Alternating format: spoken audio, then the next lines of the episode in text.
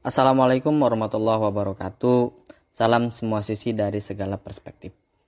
Selamat mendengar di podcast Ruang Desain, di mana kita bisa ngobrolin semua tentang desain dari segala perspektif. Perkenalkan nama saya Rudi Perdana. Kalian bisa follow saya di Instagram dengan nama akun @rudi underscore perdana 1811. Di situ kalian bisa tahu semua akun media sosial saya. Nah, teman-teman, di episode kali ini perspektif yang akan kita bahas itu tentang perspektif desain kemasan atau packaging produk. Dan sebuah pertanyaan, apakah penting mengemas produk dengan kemasan yang menarik?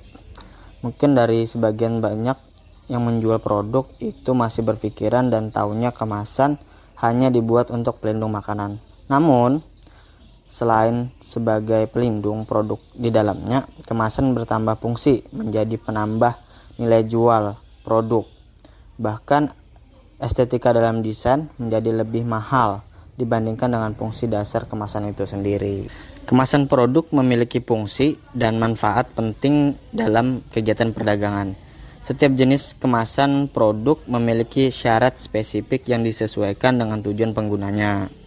Sebagai contoh nih, Kemasan primer pada produk makanan berfungsi untuk melindungi produk dari kerusakan karena pengaruh luar seperti udara, cahaya, dan suhu panas atau dingin. Selain untuk proteksi, kemasan juga bermanfaat untuk memaksimalkan estetika atau penampilan produk sehingga nilai jualnya itu naik. Begitu pentingnya peran kemasan untuk produk, maka Anda perlu memilih dengan seksama saat membelinya. Agar pemasaran produk lebih maksimal, maka Anda perlu mengetahui klasifikasi kemasan. Langkah awalnya adalah memahami pengertian atau definisi kemasan. Dalam pembahasan ini, kita akan menjelaskan apa itu kemasan, tujuan, dan klasifikasi kemasan. Yuk ikutin ulasan dari podcast Ruang Desain tentang apa itu pengertian kemasan, apa saja fungsi desain kemasan produk menarik, jenis kemasan berdasarkan bahan yang dikemas, dan jenis kemasan berdasarkan frekuensi pemakaian. Perlu kalian ingat bahwa desain produk menarik seharusnya bisa merefleksikan semua nilai-nilai bisnis dan produk yang kalian miliki. Inilah alasan kenapa tidak sedikit owner bisnis yang memilih menggunakan jasa desain packaging. Untuk pelaku usaha yang berpengalaman nih, hal ini tentu sangat diperhatikan sebab bisa membantu proses dalam marketing. Lalu apa aja sih fungsi desain kemasan produk menarik? Ada beberapa fungsi desain packaging produk menarik yang bisa kalian dapatkan di antaranya yang pertama itu dapat membantu pemasaran. Hal ini dikarenakan dalam desain packaging produk tersebut biasanya tercantum dengan informasi penting. Misalnya jenis produk mungkin ada kalian pernah lihat itu di dalamnya ada jenis produk, merek bisnis, eh, label produk, alamat produsen, keterangan produsen dan komposisi kandungan gizi produk. Yang kedua itu dapat meningkatkan brand awareness. Dengan desain kemasan produk yang menarik bisa membantu produk semakin dipercaya dan dikenal konsumen. Bahkan calon konsumen pun bisa langsung tertarik dengan brand atau produk yang kalian tawarkan. Yang ketiga, itu dapat menjaga kualitas barang.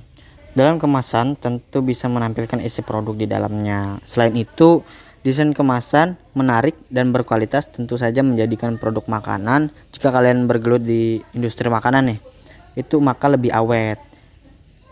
Membuat alat elektronik bisa tetap terjamin dan pakaian tidak mudah kusut jika kalian itu bergelut di dunia atau di industri fashion. Jenis kemasan berdasarkan bahan yang dikemas, berdasarkan struktur isi, kemasan dibagi menjadi tiga jenis tuh, yaitu yang pertama tuh kemasan primer, yang kedua itu kemasan sekunder, yang ketiga itu kemasan tersier. Apa sih kemasan primer? Nah, kemasan primer itu kemasan yang jenis kemasannya bersentuhan langsung dengan bahan produk yang dikemas.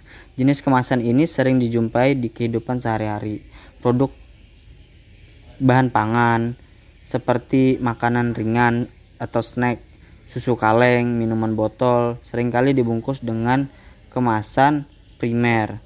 Beberapa contoh bahan kemasan yang populer digunakan adalah plastik, aluminium foil, kaca, dan material anti karat. Untuk alasan kesehatan, bahan kemasan primer harus memenuhi syarat food grade. Sedangkan kemasan sekunder merupakan jenis kemasan yang fungsinya fungsi utamanya sebagai pelindung tambahan lapisan kemasan primer sehingga produk lebih terjaga kualitasnya.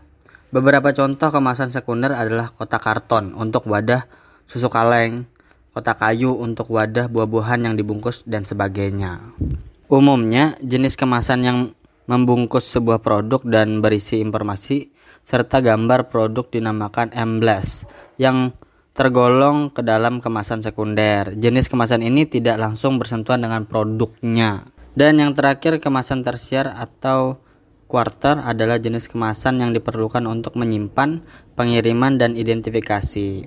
Kemasan tersier umumnya digunakan sebagai pelindung selama pengangkutan Manfaat dus makanan jadi sebagai identifikasi suatu produk merupakan fungsi dari kemasan tersier. Dan untuk jenis kemasan berdasarkan frekuensi pemakaian itu berdasarkan frekuensi pemakaiannya kemasan itu dibagi juga menjadi tiga jenis yaitu yang pertama itu kemasan sekali pakai disposable yaitu kemasan yang langsung dibuang setelah satu kali pakai contoh bungkus plastik bungkus permen bungkus daun bungkus dos, dan makanan kaleng. Yang kedua, itu kemasan yang dapat dipakai berulang kali, multi trip. Kemasan jenis ini umumnya tidak dibuang oleh konsumen, akan tetapi dikembalikan lagi kepada agen penjual untuk kemudian dimanfaatkan ulang oleh pabrik. Contoh botol minuman dan botol kecap. Yang ketiga dan yang terakhir juga kemasan yang tidak dibuang semi possible. Kemasan ini biasanya digunakan untuk kepentingan lain di rumah konsumen. Seperti dipakai contohnya itu kaleng biskuit. Mungkin dari teman-teman ada di rumahnya itu kaleng dari suatu merek biskuit. Itu dikasih kerupuk atau segala macam diisi kerupuk gitu nah juga ada kaleng susu biasanya ditaruh gula atau segala macamnya dan berbagai jenis botol lainnya. Mungkin itu aja untuk podcast kita kali ini dan mungkin kalian ada masukan atau saran tentang pembahasan kali ini atau tentang podcast ini silahkan sampaikan di kolom komentar dan jangan lupa like, comment, dan share dan yang terakhir jangan lupa follow IG aku at Rudy underscore perdana 1811 dan juga IG-nya Verart. Terima kasih telah mendengar. Salam semua sisi dari segala perspektif. Saya Rudy, terima kasih.